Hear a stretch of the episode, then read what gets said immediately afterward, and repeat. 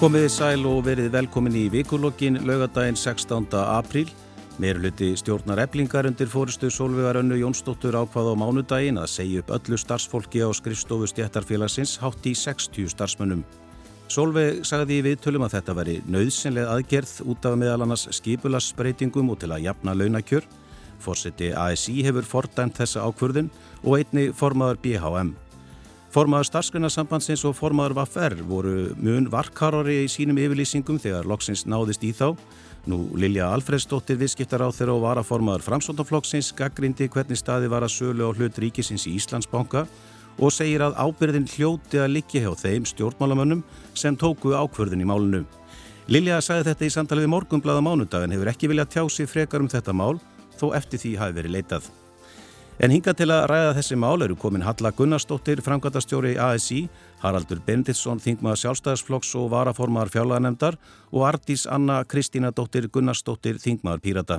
Veri velkomin. Takk fyrir. Takk. Já, takk. Halla, mér langar að byrja á þér. Maður oft, hefur oft séð fyrirtæki á hinnum almenna vinnumarkaði grípa til umdeildra hópuppsagna en ég held að þetta sé í fyrsta sinn sem stjættarfélag grípa til slíkra aðgerða. Solveig hefur sagt að þetta hefur verið gert til að gera skipulasbreytingar og innlega jafnbretti og gagsa í launakjörum starfsfólks. Ertu að kaupa þessi rauk? Já, mér þykir nú nokkuð augljóst. Ég held að maður þurfi nú ekki að hafa fylst nema bara svona lítilega með fréttum síðustu mánuði til að vita að, að ástæðuna liggja kannski ekki fyrst og fremst þar. Þótt uh, öruglega með ég ná frá mýmsum breytingum hjá eblingu sem hefur nú verið undir laglegri skildum einlega í allin á vottunni í nokkur ár og hérna, uh, en það er, það er engin fordæmi fyrir því að það þurfa að segja fólki til að ráðast í jallinovottun eða, eða starfaflokkun eða innlega skipilagsbreytingar á vinnustæðar, fjölmálki vinnustæðar sem hafa gert slíkt. Uh, þannig að þetta hljóman út álítið eins og yfirvarp, var ég að segja, og uppsagnarna verða stega meira skilt við svona reynsanir heldur en við þarf fyrir skipilagsbreytingar. Uh, andi lagan um hópuppskanir er náttúrulega sá að til þeirra sé ekki gripinum af einhverju brítni nöðsin og þá erum við að horfa á kannski ekstra erfileika að slíkt, það er svona veruleikin sem við þekkjum og þau byggja, lögin í rauninni byggja á slíkum veruleika og þar kemur skýrt fram að það er að reyna að eh, stilla uppsögnum í hóf eftir því sem mögulegt er og að takmarka skadan að þeim.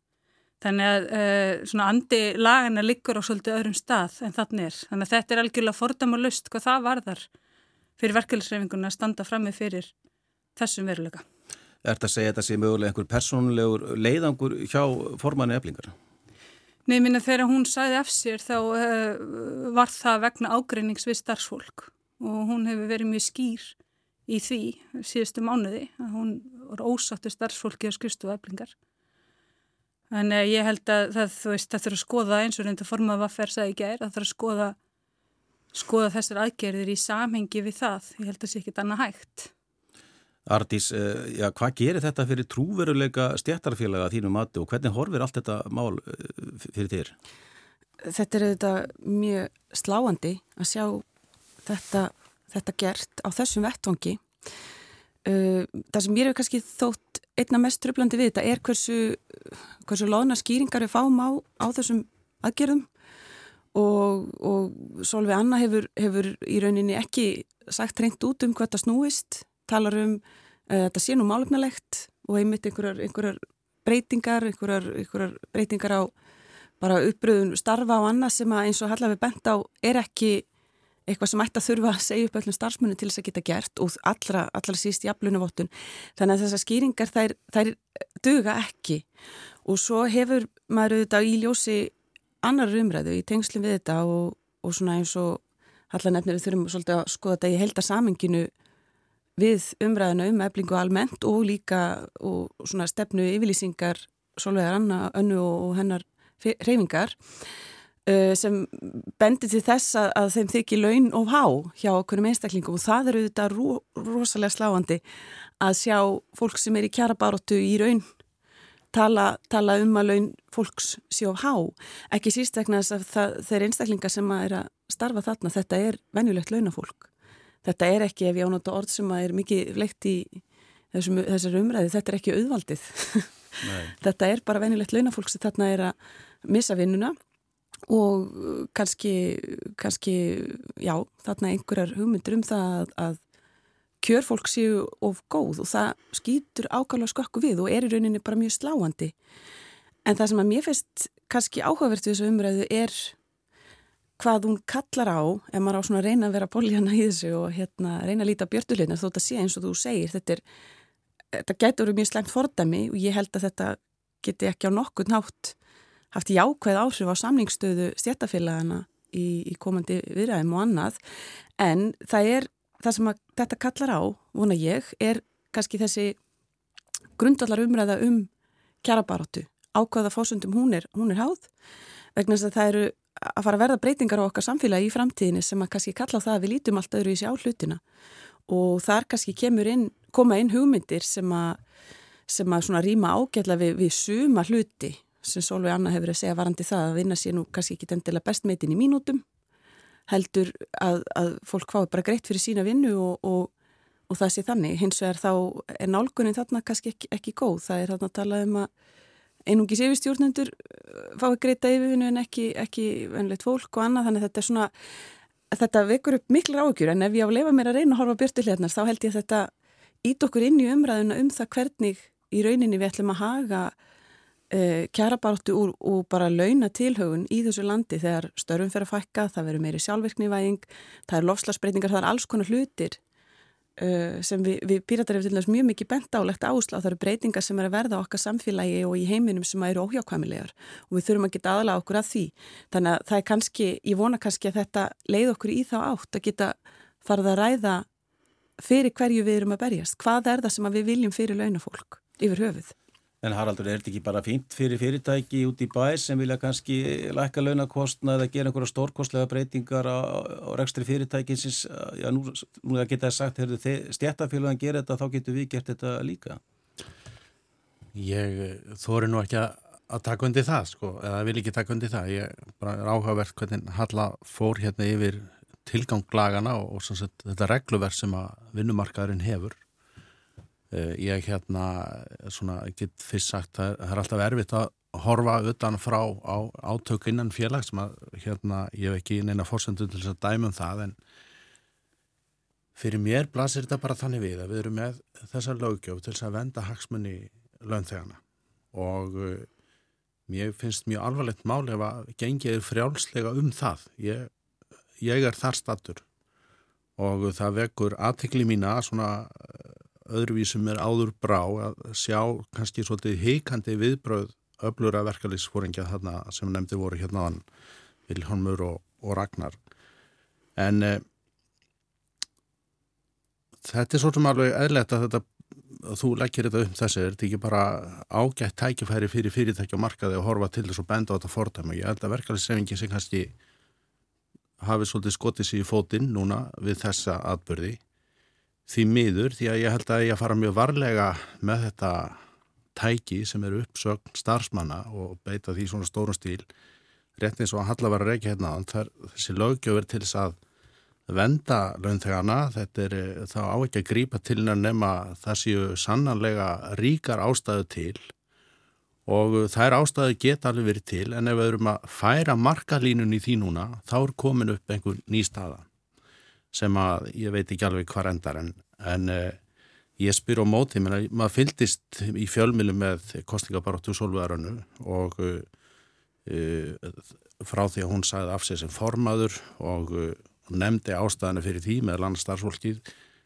veldi maður, má kannski segja komið okkur kannski á óvart svona með hvaða orðræðu hún hafði í aðdraðanda í kostningabaróttunni hérna e, áður en hún er aftur kjörinn, hann að áttum við ekki alveg svona þessu en kannski ekki alveg svona uh, svakalega gróft. En bara mér finnst áhugaverð sem hún Artís er að nefna hérna. Ég held nefnilega að þetta sé líka alveg þörf umræða því að ég vil ekki segja á COVID-tímum hafi margt breyst, þau bara samfélag er að breytast og uh, maður sér bara hvernig vinnu E, tími fólks og verkefni fólks og það sem er farað meira að meta fólk út á verkefnum, ég veit ekki hvort að þessi umræði hérna passar inn í atbyrðinin í eblingu en eh, ég er bara að horfa það með aukinni fjárvinnu og slíkara þátt en ég segi, hérna, ég veit ekki hvað ég á að blanda þessar umræði saman, það verður áhugavert að taka þessu umræði líka í, í samhengi, það er að segja hvernig stýruru vinnustad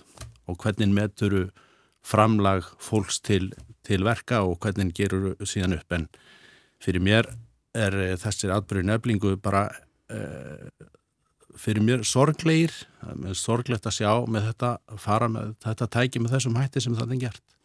Halla, ja, hver er stað að Solveig Rönnu segjum svo að það komi til einhverja hópauppsagna á almennum vinnumarkaði, getur hún eitthvað gaggrínt það? Já, verkefælisreifingin getur að mista kost alltaf gaggrínt hópauppsagnir og ég held að allavega fórsetja að sísi að gera rétt með því að halda í halda í hérna uh, halda í þá gaggrinni óháð því hvort að vera að segja fólki í fyrirtækjum til bæja og skrifstu og stjættafélags og minnst svona auðvitað ágefnið að fara að dragast upp einhverju línur þar sem að sögum með verkefælisreifingunni finnst hópaupsun í lægi ef hún er á skrifstu og stjættafélags en ekki hún er í fyrirtækjum til bæja og eitthvað slíkt. En þessi umræða á eftir að fara fram innan ASI það hefur ekki verið félagslega umræða um þessa þætti, miðstjórn hefur ekki komið saman og svo erum við þetta með þingi haust og, og annað slíkt. En hérna þannig að Ég tel ekkit eitthvað að þetta drægi uh, úr okkur kraftin í að gaggrína aðgerðir uh, eh, atvinnureikanda þegar þær eru óbylgjarnar, ónausulegar og, og ósangjarnar. En sko verkefliðsrefingin, sko, hún byggir í grunninn á, á samtakamætti uh, launafólks. Og hún byggir í grunninn á því að fólk geti barist fyrir sínum kjörum, teki slægi um þau án þess að þurfa óttast um eigi starf og eigin afkomu inn í þetta, þú veist, kemur til dæmis þessi trúnaðamannavernd, uh, við erum búin að byggja inn í okkar vinnumarkas, uh, vinnumarkaslaugjöf og, og vinnumarkaskerfi, uh, alls konar vernd til þess að tryggja það að launafólk geti tala sér saman, rætt kjör sín, tjáð sig um það sem það vill, án þess að eiga yfir höfðu sér að missa lífsviði væri vegna þess. Og þessi grunnur, minnst mikilvægt að fara í þennan grunn núna, að veist, við fjöllum um þetta, við erum vanna til þess að tryggja afkomu öryggi og atun öryggi fólks og það eru stærstu síðræðinir sem verkefliðsreifingin hefur náð. Og hérna uh, eins og bara annað sem hefur lagt grunninn að, lífskeiðum hér. Og það er ekkit launungamála að það veist, hef, hafi verið mjög mikil innanbúðar átöki verkefliðsreifingunni undarfærin misseri. Það er ekkit í fyrsta sinni sögunni sem svo er, það verður ofta allt loga að stafnar á milli, þetta er náttúrulega ofbóðslega breyðfylking ASI telur sko tóa hverjum þremur hérna Eh, tvo hverjum þreymur á vinnumarkaði, sko, launafólki. Þannig að þetta er alveg rosalega stór uh, reyfing og ólíkir hagsmönir sem að mætast innan hennar. En uh, enga síður hefur þessi reyfingi gegnum tíðina náð fram alveg ótrúlegum lífskjara bótum og réttarbótum fyrir almenningi landinu. Þannig að uh, þrátt fyrir átök þá er þetta mjög sterk reyfing. En er ekki augljós galli á þessu kerfi, við sjáum á skrifstofu eblingar eru margir starfsmenn sem eru í eblingu. Hvert er þessi starfsmenn að leita núna þegar stjættarfélagi sjálft er búið að segja þeim upp? Já, þetta er náttúrulega umræða sem hefur verið í gangi um nokkurt skeið og, og uh, fyrir einhverju síðan sendi ASI svona vinsanlega tilmæli til félaga uh, sinna, aðaldafélaga sinna að setja inn í ráðningasamninga fólks. Að það ætti rétt á að leita sér lögfræðaraðgjafar uh, sagt, utan stjættafélagsins sem á reyndi. Því að þetta hafa komið upp mál þessum að félagsmenn kvartundan eineldi eða áreitni eða og treyst ekki sko sinni skrifstofu ekkert nefn til að fjallum það eða finnst það óþægilegt að sé okkur hagsmenn árastur og það er alveg skiljanlegt. Þannig að þetta er svona umræða sem hefur verið í gangi í nokkur tíma og auðvitað svona atbyrð verður til þess að blása lífi þá umræðu. Og ég veit til þess að starfsfólk stjættafélagana hefur verið að funda. Og þeir fundi voru farnir að stað fyrir nokkur síðan. Og er að ræða þetta síni milli. Og það eru svona ýmsar tillögur sem hafa komið upp sem finnst að starfsfólk stjættafélagin er verið með sér stjættafélag eða fagfélag, öðrum finnst það frálegt hugmynd. Svo er spurningu hvort og eða kannski bara vera í öðru félagi heldur en þínu sem geti þá hagsmunnaðina við sjáum það að náttúrulega hluta starfsmennu núna skristuðablingar er í vaffer og þau sækja sína aðstof þangað og vaffer hefur líka tekið á móti trúnað mann eblingar á vinnustæðinu til að veita ráðgjöf Þannig að það er svona, uh, en þetta er, þetta er alveg augljós veikleiki og þessi tilmæli aðeins í rötuðu náttúrulega ekkert inn allstaðar. Þannig að það er fólk sem á ekki rétt á nefni ráðgjöf eða lagleira aðstóð. Að þetta minnir okkur líka bara á hvað við reyðum okkur á stjættafélagin, hvað almennt launafólk þegar í harbakan slæri og eitthvað kemur upp á að eiga þennan bakkjarl í félaginu að geta haft samband og fengi ráðgjöf, hvað þetta skiptir miklu máli. En að því Haraldur myndist hérna á formann starfsgrunarsambandsins og, og formann Vaffer sem hafa verið svona nánir samstarfsmenn solvegar, eh, það hafa náttúrulega verið að eiga sér stað mikla breytingar innan verkefælis hreyfingarinnar eh, og það er svolítið sótt að fórseta ASI þessa dagana. Eh, það er þing núni í haust þar sem að það verður já, fórseta kjör. Áttu vona því að það komi til einhverja átaka á þessu þingi?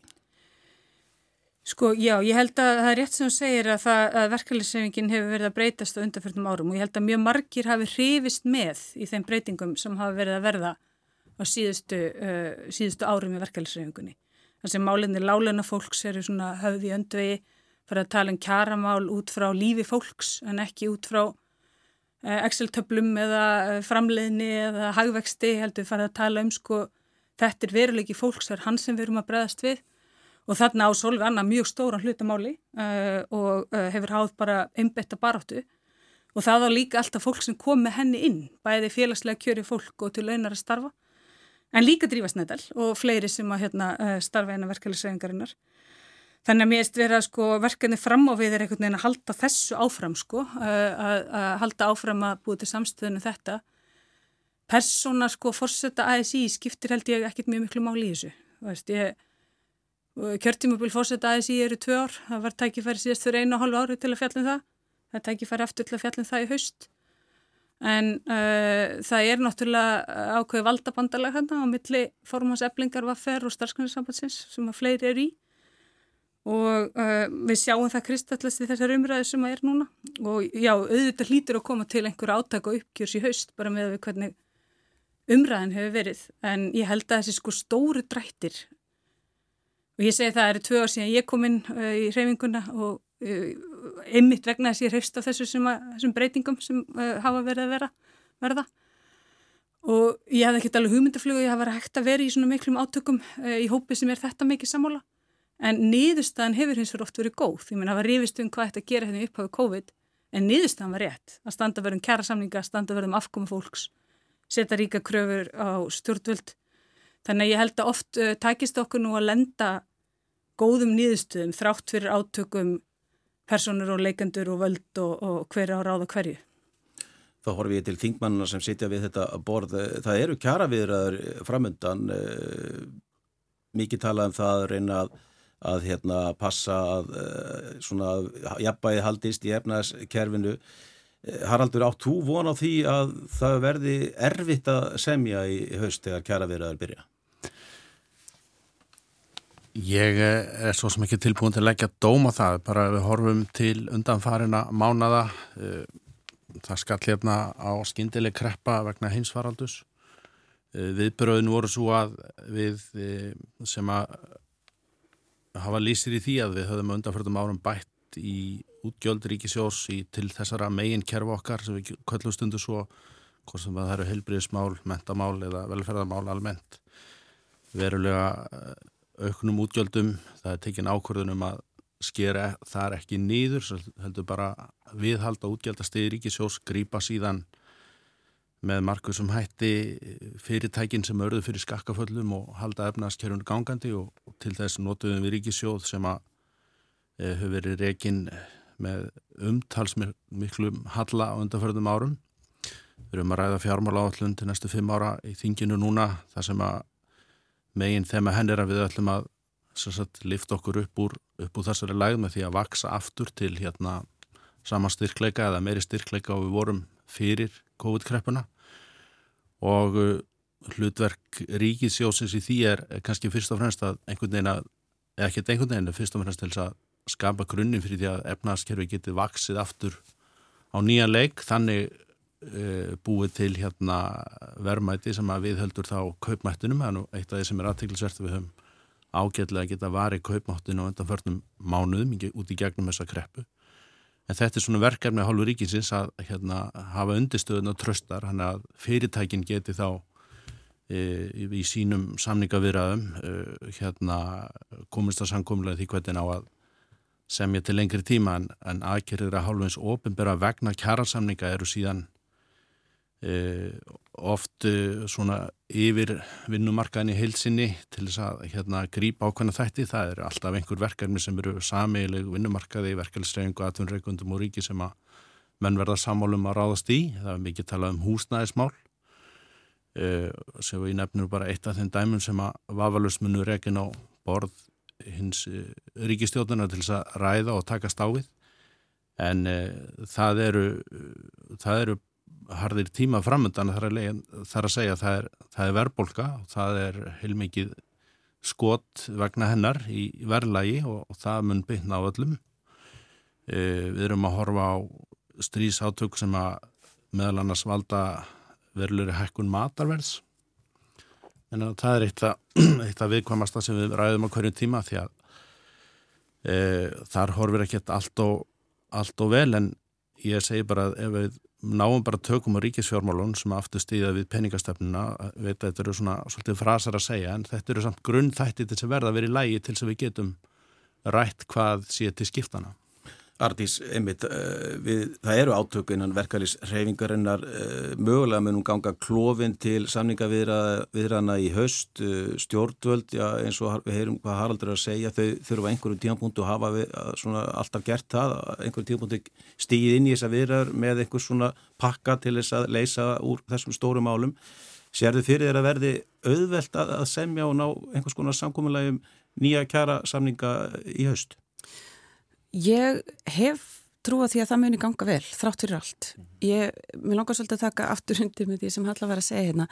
Ég held það eru að verða svo miklar breytingar á því hvernig við nálgust þessi mál og hvernig uh, bara hugafærið að bakvið allar ákvarðinni sem eru teknar og það litar þessi alls allar kjæra samninga viðræðir líkt og allt annað. Uh, ég held að við séum farin að líta á þetta frá allt öru sjónarhóttni og mér finnst ágætt, ágætt lýsing sem hefði komið varandi þetta, horfa á þetta út frá lífi fólks og í samfélaginu. Og það eru þetta breytingin sem er að verða með öllum þessum áföllum sem að dinja, sem að Haraldur nefnir hérna, við, við þurfum að fara að hugsa þetta svolítið bara upp á nýtt. Við hvernig allir í samfélaginu geti haft það gott. Það snýst kannski ekki lengur um uh, sömu, sömu hluti allt á áður. Við erum búin að sjá það, við getum ekki til dæmis stanslust verið að tala um tala um hagvöxt og hagvöxt og hagvöxt og vegna þess að samfélagi getur ekki verið að þennja stúdendalust, það kemur að því að, að við þurfum að segja stopp, við þurfum að finna aðra leiðir. Og ég held að þetta spili allt saman, ég held að þetta komi líka inn í kjærabaratuna og þannig uh, finnst mér tengjast þetta sem ég var að nefna hérna áðan, ég held nefnilega að þetta sé allt hluti af sömu heildarmyndinni sem að er að breytast svo mikið. Þannig ég, jú, veistu það, ég hef trúað í og, og ég sammála því að að uh, verkalýsreifingin á stóran þátti því að breyta sjónarhóttninu í, í, í þessum, þessu samhengi. En það, þetta er að koma úr öllum áttum. Og þetta eru bara breytingar sem er að verða á því hvernig við nálgumst alla hluti. Þannig að ég hef trúið því að þetta munir ganga vel.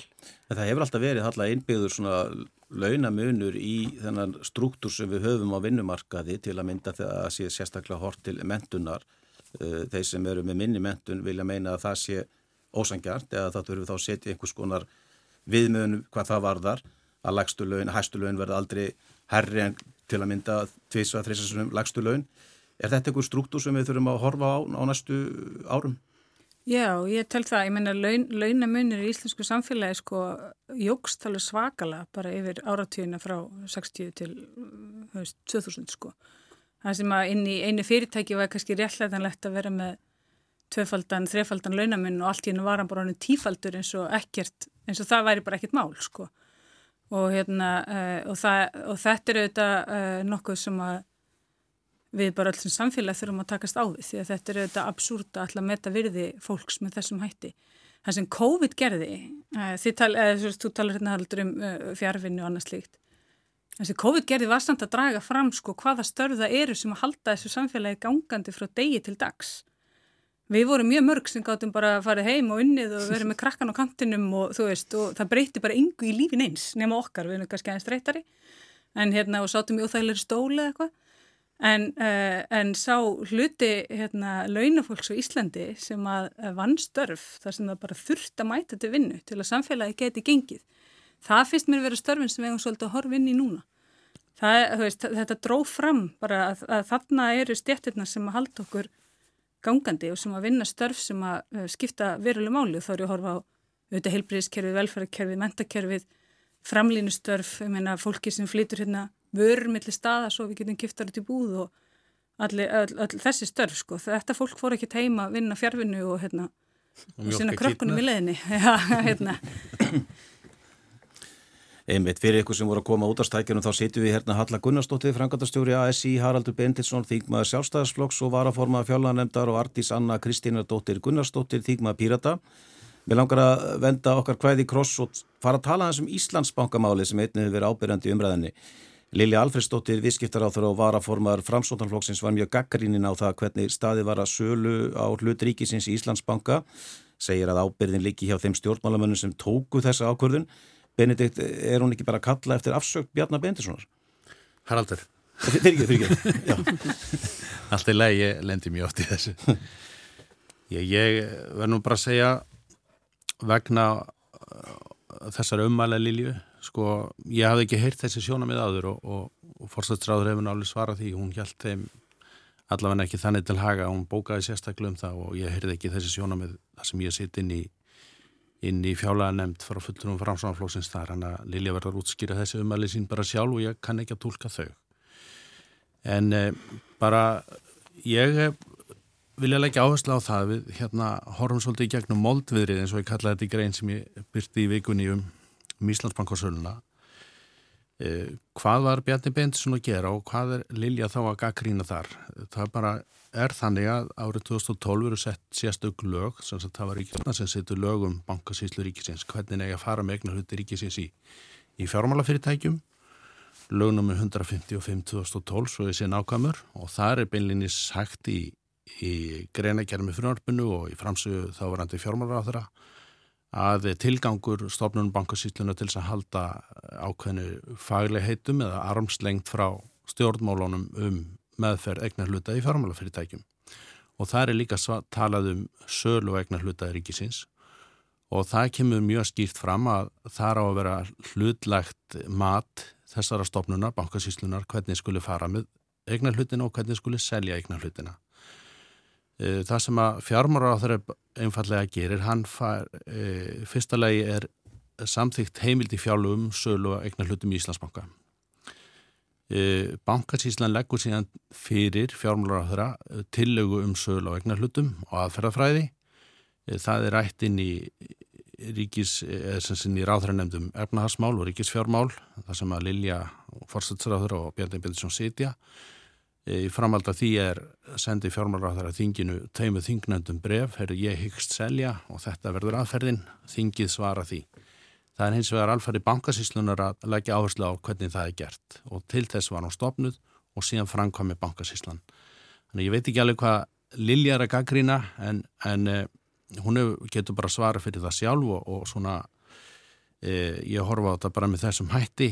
Við getum síðan rætt hvernig framkvæmdi bankasíslan þessa sölu og hvaða, hvaða mál hafa komið upp í kjölfara þým. Við þurfum aðeins að sjá í gegnum þá þók alla áður en að við hérna eiginlega dæmum málið út frá þeirri umræðu sem er, sem er í dag og þannig hefur fjálaga nefnd í það minnst að ég get talað helst af þekkingum hana eh, sett núna eh, spurninga til bankasíslunar og til fjármárarandis og mun núna eftir páskastoppþingsins halda ofinn fundi fjálaga nefnd og spyrja spurninga hvernig framkvæmdenda, hvernig eh, má vera þetta að koma upp og svo framvis e, síðan hefur annað gerst að, að nú er Ríkisendurskóðun komin með aðtún á framkvæmt sölunar og fjármála eftirlitið hefur hafið að mér skilst e, aðtún á því hvernig sölur ágjafa sem bankasíslan reyði til starfa e, framkvæmdu sinn þátt í þessum aðgerum. Þannig að það á örglega eftir að koma heilmart fram og við þurfum að e, allavega hafa þólumæði til þess að býja eftir að við sjáum svona í gegnum þetta moldviri en megin máli er þetta ríkið hefur selgt núna fyrir 108 miljardar Íslandsbanka til þess að fjármagna þann hallarestu sem við þurftum að grýpa til hérna í efnaðaskreppunni. En ertu sáttur við niðurstöðu þessa útbóðs eins og hún lítur út núna?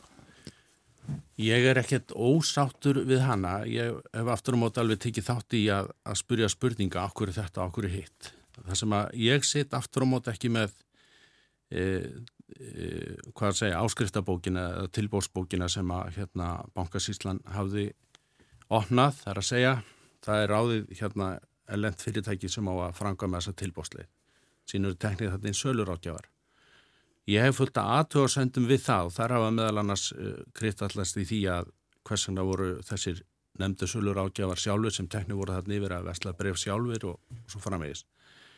E, það verið mikið rætt um verðið og uh, við erum bara að sjá fréttir um það. Við erum eftir að fá þessar upplýsingar að, að stórir aðilar sem að gera þann tilbóð hafi viljað fara á genginu, mun lagra gengi heldur ríkisættis við Eh, eh, þá horfum við til þessara svo kallar enga fjárfesta sem að koma hann inn sem að tjökku verðið upp aftur. Þannig að þessa mynd þurfum eiginlega að hafa miklu frekar fyrir framann okkur áður en við dæmum já þetta var vonlust, þetta var ómulegt en það sem er að, að hérna e, segi ég að fyrst og fremst að pyrra fólk eða það sem er að leipa illu blóði þetta eru gamlir, gamla personur og leikandur hrunn árana sem eru þarna komni til skjálana aftur. En við megum þá aldrei gleyma því heldur að það sem að ef ég má bara dæma umræðina sem það sem að hefur verið mest farið í, fyrir í, í tögatar á fólki þessir tiltækni personuleikandur voru mjög litli regnar aðeinar núna að Íslandsbanka einhver staðar uh, um 1% eða innan, langt inn um 1% af þessu hlutafíð en ég vil bara dæma þegar við höfum tekið þessar upplýsingar upp á borðið uh, árangurinn í þessi við höfum losað eignar hlut uh, inn í Íslandsbanka verðlu leiti, við notum þá fjármunni til þess að fjármarka ríkisjóð ríkisjóður er ennþá aðal eigandi í Íslandsbanka. Við mögum ekki gleyma því en, en ég vil ekki fella dóma fyrir en ég fengi það að sjá alla myndina. Já uh, ég, ég verða að segja að það kemur kannski ekki beinleinu svo óvart í hvaða átt uh, Haraldur feð með þetta hér þar sem að þetta er svona kannski svo lína sem manni sínist ríkistjórnin ætla að taka sem er dalsvert í það átt að fyrra fjármálar á þeirra ábyrð. Uh, nú var samin hér aldeilis ágætlaugjöf 2012 sem átti að, að takmarka möguleikana á því að svona hlutir gerist en það sem að við sjáum kannski það sem gerist núna og þá er svolítið áhugavert að sjá það bæði í máli fjármálar á þeirra og í því hvernig það spilast að uh, ráð þeirra virðist vera þarna í einhverju tókstritu annars vegar að skipta sér ekki ómikið af vegna þess að þá erum við að tala um spillingu og skipta sér síðan ekki oflítið af vegna þess að þá er hann að fyrir sig ábyrð og það sem að þetta sýnir okkur kannski svolítið glögt er eitthvað sem fólk kannski bendi á áður en þetta fór allt í gang og það er kannski það sem er sárast við þetta allt saman. Það er það að við sáum þetta fyrir. Þetta, var, þetta kom engum óvart held ég. Og, og áfallið verður bara stærra í rauninni fyrir vikið vegna þess að þetta hefði ekki þurft að fara svona. Það er það að kannski er Bjarni Benediktsson vegna sinna tengsla, vegna sinna sögu einfalla vanhæfur til þess að vera fjármálur á þeirra. Þetta eru spurningarnir sem að, sem að vakna hjá manni í kjölfar þessara, þessara atbyrða að því að einhverju leiti trúi maður einlægninni varðandi það að hann við nú hérna, ekki vita því að fjölskyldana er við þarna en það er líka bara alveg lett útaf fyrir sig. Þannig að þetta síni kannski bara hvað hans staða yfir höfuð er erfið til þess að sjá um þetta en það kom það fram í könnunum áður en þetta fyrir gang að fólk treysti ekki Bjarnabeinandi sinni til þess að sjá um þessu sölu. Og svo sjáum við núna út frá þeirri gaggrinni sem hefur komið upp sem er mjög alvarleg og kemur um mjög alvarlegum áttum. Og ég hef sagt það áður, ég ætla ekki að þykjast vera neitt sérfræðingur í, í sölu ríkisbanka en uh, framhafa stíið mér fróðar einstaklingar sem að benda á hluti sem eru verulega alvarleir og maður hefði gert ráð fyrir því að einhver, einhver sem hefur insýn og þekkingu í þetta og, og þá reynslu af fjármálamörkum að láta þetta ekki gerast og þá auðvitað vaknar tortryknin. Þau eiga að vita þetta, hann átt að vita þetta, hann átt að sjá þetta og þá vaknar tortryknin spurningarna sem eru gerðanna kannski og, þetta, og það er skýringa sem koma á því hvað, hvaða leið er valin, hvaða aðferðafræði er, er valin, þær eru ekki trúverðuar nema bara mjög takmörkuðu leiti og þetta skapur auðvitað gríðilega mikið vantrust. Við sjáum hvaða mætti stór hópur á Östuföll núna um helgina á fyrstudagin langa, var ekki bara gerð, já, á svo langur. sko að það, þetta, þetta eru, þetta ringir svo svakalega viðkominn viðvörunabjöllum í eirum fólks og það er ekki ástæðu lausu. bæði vegna sögunar og vegna þess að þetta er nákvæmlega sama minstrið og það er búið að vara við þessu öllu saman. Þetta er auðvitað mjög alvarlegt. Auðvitað er ekki danna í stöðunni en að fjármálar á það stíti hlýðar. En þetta, en það er kannski bara úr seint. Þetta þetta er náttúrulega mjög alvarlegt. Nei, mér, sko, ég var að segja, við vorum eiginlega fannst mér um tíma full frökk allavega meirulhutta fjölaðanemdar í gaggríni á, á þessa sölu. Það er að segja við vildum uh, mjög, strax, herðu, byrtið í kaupandalistan. Uh, við myndum alveg að það stóð ekki endilega til. Uh, Fjármálar á þeirra gerir það. Hann, hann segir, þetta eru ofinbæra eigur sem ég er að vera að selja hérna. Ég vil bara að fólk viti hverju voru að kaupa. Og þá eiginlega vestnaði umræðin um allan helming þegar við vildum nú hafa þetta hérna opið og, og sínaður fram á hverju önnulega aðgerðin. Það sem að er verið að segja hérna, því að ég held nefnilega að þar hafi orðið ákveðin skurðapunktur umræðinu um það þegar mann komist að því að fjármáráþurann var ekki að fara yfir tilbúðin, hann var ekki að handvelja kaupendur og uh, síðan fer umræðin yfir það að hann átti víst að fara yfir, um, yfir tilbúðin og hann átti víst að velja en hérna, mér finnst menn vilja bæði sleppa á að halda í þessu umröðu. Bara Bankasíslan framkvæmur þessu sölu, uh, fjármaráþurna situr aldrei á neinu tímapunkti og hefur að, mér, að ég best ekki sé tilbóðsbókina en þá. Hverji sendin tilbóð. Þannig að þannig er þessi armslengt týrið. Annarkvört höfum við uh, þetta fyrirkomlega sölu eða látum þá bara fjármaráþurna uh, hérna, svara fyrir þetta og halda á þessu bara sölu. Hann getur ekki bæði verið sökudólgur og líka reynd að hérna, halda hann um frá ferlinu í þessu tilfelli. Halla, þú er alltaf hort á þetta mál og fjalla, hvernig metur þú það? Já, uh, sko það, það, þarf, það þarf náttúrulega ekki að handvelja neina til þess að sé auðstjettin sem að kaupir hluti í banka þegar það er í bóði. Veist, það, það er náttúrulega uh, svolítið nægt að halda því fram sko. Veist, þetta, þetta er það, er það, það peningaöflin sem að fara í það að e, fá skjótfekking gróða út úr svona sölu, það er augljóst. Þannig var það líka í, í, hérna, e, í fyrra útbóðinu. En sko ef þú spyrð almenning, þá vildi almenningur ekki, eða svona meiri hluti almennings, ekki selja Íslandsbanka. Hún vildi ekki selja e, starri hluti í Íslandsbanka. Og þar höfum við stilt okkur upp e, hjá Alþjóðsambandur verkefliðsauðingunni með almenningi í því. En, engin haldbar rauk fyrir því að vera ráðast í þessa sölu sum okkar sjá hann ekki almennt og aðri sjá hann að minnstakost ekki núna sjá ekki, minnstakost ekki núna en svo ferði inn í stjórnmálaumræðina og þá er svona valmöguleikandi sem okkur er bóðið upp og það er sko nýfrálsingjan eins og hún er í praxís sem er það sem við erum að sjá núna og svo nýfrálsingjan sem eins og hún er í teóriu sem er þá uh, óbúslega faglegt ferli, opið inn í herbergið þar sem ferlið á sér stað, allir sjá hvað er að gerast. Jável einhverju svona góðir kapitalistar uh, sem að kaupa, sem er að hugsa um eitthvað meira heldur neginn hag og bara samfélagið. Og, hérna, og þannig einhvern veginn uh, fari ríkisegur út á markað.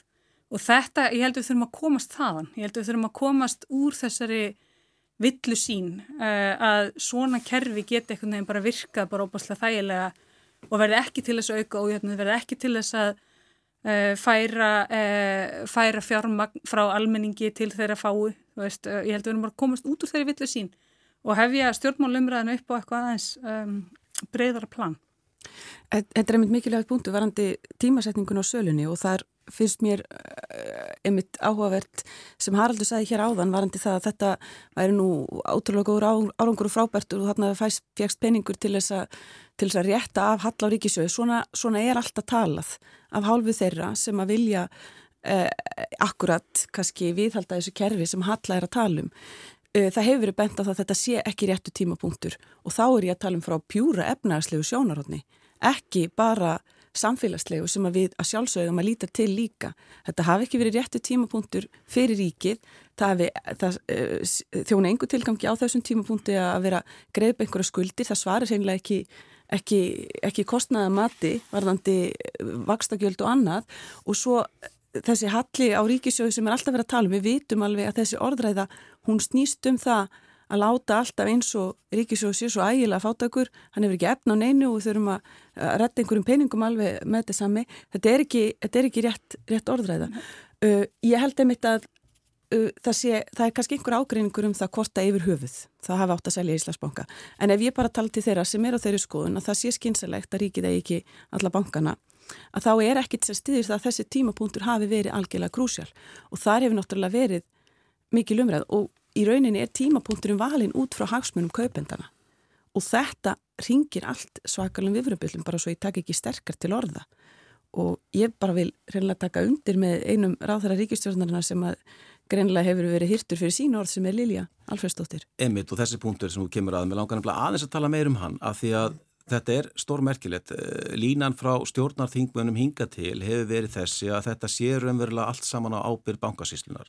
Akkurat. Svo skindilega stýgur ráðhæra í ríkistjórn fram, var að forma framsvonarflóksins og segir já ábyrðin er þeirra stjórnmálamanna sem tóku þessa ákvörðun.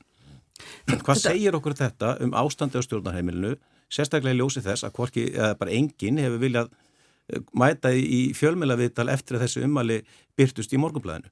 Við, sko, við sáum þetta í rauninni gerast í þingsa líka. Það sem að gerist þegar við hefjum þessu umræðu, þegar þetta kemur í ljós, listinni byrtur og allar við verðum björnlega farið í gang, þá hefjum við í, í minni hlutanum umræðu á þingi sem byrjar þannig að þingmenn meiri hlutans er að standa upp í pontu og segja já, við styðjum rannsóknunemnd svo algjörlega snúast þið við algjörlega snýst umræðan við og þau segja nei, nei, nei, nei, engar ansóknar nefnd við viljum bara ríkisendurskóðandi fara í þetta og svo ætla fjárlega nefnd að kíkja á þetta og við ætlum bara svona þess að fara yfir þetta. Við getum, viljum ekki fara í rannsóknar nefnd og á sama tíma snýst orðræðan við hjá ríkistjóninni og þá skildi maður loksins, sko hvernig þeim hafi mistekist að, koma þessum skilabóðum að framfæri við, við þingmenn meiri hlutans um það hvernig ætti að tala sem er það, það þarf að fyrir fjármálur á þeirra ábyrð, koma ábyrðin yfir á bankasísluna og reyna að loka málun einhvern veginn þannig og það er fyrir mér alveg auðlust að það er það sem er verið að reyna að gera núna. Þess vegna, þess vegna viljum við ekki kvika frá sér kröfu um þessa rannsóknanemnd sem hefur langt um viðtakari heimildir heldur en ríkisendurskóðandi til þess að kanna þetta mál.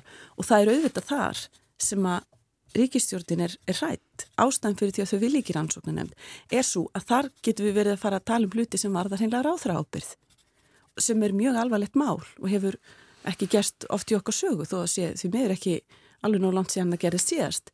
Og þetta er það sem við ótast, það er raunveruleg ábyrð ráðra Nei, mér langar bara fyrir ekki að... Nei, ég, mér langar bara að lesa upp úr sko þegar Ótni Hörðardóttir mæli fyrir lögum með bankasýsluða segir markmiðið með þeim er ekki sísta armslengt sé á milli stjórnbólman og faglæra skipar á bankasýslu við sölu meðferð þannig segir meðlanarsikrængerðin með því að fela sérstakri ríkistofnum bankasýslu ríkisins meðferð eignarhlutaríkisós í fjármálufyrirtungi og koma fram með tillögur til ráð þeirra um sölu þeirra eignarhluta sem ætlun er að tryggja hlutlækni við meðferð þessara mála Þetta var tilgangu lagana, þannig að mann get ekki bæði sleft á haldið. Ég segi bara, það er gott að blessa að vera á móti því, eða ég, ég ger ekki aðtöðsum til það að fólk hafi þá skoðun eðlilega ekki að, að þeir bara geta að selja banka. Það er, það er bara sjónamið. Þess átum hins vegar hérna með bankakerfi sem hafa tveimur þriðar hluti í eigu ríkisins. Ríki setur líka reglutur á bankamarkaði og finnst mönnum þetta eðlilega staða. Við þessari stöðu höfum verið varað. Árangurinn og rétti tími til að selja, bara með það að losa þess þá er lagri árlegur vastakostnaður ríkisins núna metinu einhver starfbílun 8-10 miljardar króna. Það eru verulega miklu fjármunni sem við erum að spara ríkisjóð á ári til lengri tíma og við erum enn stóran egna hluti í þessum banka. Síðan varðandi þessi um, ummæli um uh, ríkisendurskoðun og rannsónunemdir. Hvaða heimildir vantar ríkisendurskoðun sem að, sem að hérna e, rannsóknar nefndir hafa frekar. Það er líka mál að því. Hver eru þær? Það er til dæmis, til dæmis þá getur rannsóknar nefnd, hún getur skikka fólk til þess að koma til skýslutöku sem ríkis, ríkisendurskoðandi ekki, hefur ekki. Rannsóknar nefnd, hún skoðar miklu fleiri þætti, hún skoðar þætti sem voru skoðar til dæmis á halvu rannsóknar nefndarinnar kjálfarbankar hunsins sem eru síðferðisleir þættir sem eru hlutir aðrir en þeir hvort að hafi verið farið beinleinis eftir lagabókstafnum og í samræð með einhverja stjórnslureglur og einhverja ferla eins og, eins og Halla talar um. Skoðar þetta rauninni frá miklu, miklu starra sjónrótni en heimildirnar eru þessar. Þær eru ríkar, rannsóknanemnd hefur heimild til þess að uh, í rauninni gera fólk, uh, hvað hefur að segja, að vernd, vernd vitna, þess að fólk sem að kemur og og ber vittnum það hvernig hlutinni voru að það mun ekki setja refsingu jafnvel þó að það sé að einhverju hætti að játa á sér brot. Þetta er gríðarlega mikilvægt vegna þess að það er ef, ef við bara horfum á reynslu okkar á bankarhönunu þá er ímislegt sem að getur orðið til þess að fella ábyrð á hinn á þessa einstaklinga og til þess að komast að kjarnar málsins til þess að fá allar upplýsingar þá þurfum við að vita þetta allt saman. Ég held að það þurfi miklu dýpur umræðan það. Ég, ég segi bara hérna heiklust, uh, Ríkisendur skoðan hefur raunverulega þessar heimildir og það er ekki rannsónanemnd, sem að uh, hérna felli niður saksón. Uh, rannsónanemnd, rétt eins og Ríkisendur skoðandi, getur beint í til ríkisaksóknara að að sækja fólk ekki til saka ef ég, skil, ef ég get orðaði með þeim hætti. Þetta er bara út úr snúningur. Ríkisendur skoðan hefur alveg þessar heimildir. Nei. Já, við, deil, við hérna, deilum hérna og getum örglega ekki hérna komist að sömu nýðustöðan bara þegar maður rínir lögjöfunum ríkisendur skoðan og lögjöfunum um rannsónunefndir þá hefur ríkisendur skoðan miklu ríkari heimildir heldur en að vera haldið fram í þessari umræðu hinga til. Ég, ég get alveg staðið og fallið með þeim umalum hér. Sko, ef við viljum ekki að ríkið eigi banka, þá viljum við að pappans pjarnabén eigi banka og þá viljum við að kaupandalistin sem að byrtur í stundin eigi banka, til að þar liggja peningarnir í samfélaginu. Og þetta finnst mér líka að vera umræða sem almenningur er hans að kalla eftir, almenningur sem hefur farið gríðarlega illa út úr enga egnar halda böngum á Íslandi. Gríðarlega illa, veist, og við erum, ekki, við erum ennþá súpa segðið af því. Þannig að mér finnst, mér finnst þessi prinsip umræða skiptamáli og ég sakna hennar úr þingsal, ég sakna hennar úr stjórnmálan að, hérna, að það sé ekki svona sterkari rattir í þessa átt. En varðandi sko ástandið á stjórnarheimilinu og fekk á svona smá tilfinninguna líka að þetta framstík hérna snýrist á litil mikið um líka innanflokks átöki framsunarflónum og uh, stjórnmálflokkar eru oft betri verkefliðsöngin í að fela sín innanbúðar átök en það er svo sannlega þar líka. Og, hérna, uh, en með sko Hvaða innanflokks átöku eru það þá? Nei, ég menna bara að fæta bara svona tilfinninguna að hérna, þannig að væri varaformaðurinn að styrka stöðu sína og formaðurinn veikur fyrir hérna, eftir umræðu vikunar áður sem að hafa nú uh, allar glemst í, hérna, í þessum látum. Býtu bara. en, hérna, uh, en það sem að sko skiptir máli í þessu er bara hvernig viljum við að bankakerfið í Íslandi sér ekkið, uh, hverjir viljum við að dræja hag út úr því undir hverjum viljum við að almenningur eigi sitt þegar kemur að, uh, uh, að við erum ekki bara að tala um sko einhverja fjármálagjörningar sem almenningur eru að dúla sér í, þetta eru húsnæðislánin okkar, þetta er allt sem skiptur okkur máli í okkar hérna, uh, skuldum og, hérna, og möguleikum til að koma að þakki yfir höfuð og, og annars líkt. Og að því við vorum að tala hérna líka ríkisbókaldi aðan, þá er það rétt sko að þannig er verið að búa til einhver svona narratífum að verða greiðanuðu skuldir og sé ekki efna neinu en það er líka verið að reyna að halda lofti þessari lífsegu mítu að bókaldríkisins sé eins og heimilisbókald og það sé sérstaklega digðugt að halda því á einhverju nulli. Akkurat. Það sem þarf að tala um er auðvitað hvaðan koma skuldirnar, eh, hvaða áhrif hafa þeir á ríkisbókaldi, hversu miklar eru þær í samhenginu og það er engin brín nöðsin að ráðast í einhverja hérna, niðugræsla þeim. Það sem er brín nöðsin að gera er að tryggja tekistofna ríkisins til þess að geta tekist á við þau verkefni sem við viljum að ríki sinni. Og við viljum að ríki reyki hérna öflugt helbreyðskerfi, við viljum að ríki reyki hjúgrunarheimili, við viljum að það sé hérna hjúgrunarheimili fyrir gamla fólki okkar og leikskólar fyrir börnun okkar, við viljum uh, að tilfærslukerfin okkar virki þannig að þau styðji við okkur og viðkvæmum tímabölun lífs okkar. Og þetta finnst mér að hljóti að eiga að vera uh, umræðan að alltaf slengja fram einhver svona ideológi og það verða að borga eitthvað niður bara að því bara. Það eru mistökinn sem voru gerð eftir hrun, það eru mistökinn sem er alþjóða gældurisjöðurinn, alþjóða bankin, OECD, allir er að vara við. Það búið að vara við þessi gegnum COVID, ekki fara þangað. Þau ríki sem fóru þangað við að fixera á þetta, þau fóru uh, mjög illa efnaðslega og þau fóru verð út úr COVID en önnur, en önnur lönd. Þannig að mér finnst þetta að vera svona stóru, stóru þræðarnir sem þau eru að draga inn í þessa umræði. Vinstir græni hljóta að veri undarleiri stöðu. Þeir náttúrulega eru ekki flokkur sem best fyrir mikilli enga væðingu. Svo kemur fra, varaformaða framsvonflokksins og raunverulega fyrir að tala um uh, að stjórnmálamenn þurfu að axla ábyrð. Hvernig meður þú artís stöðuna á stjórnarheimilinu?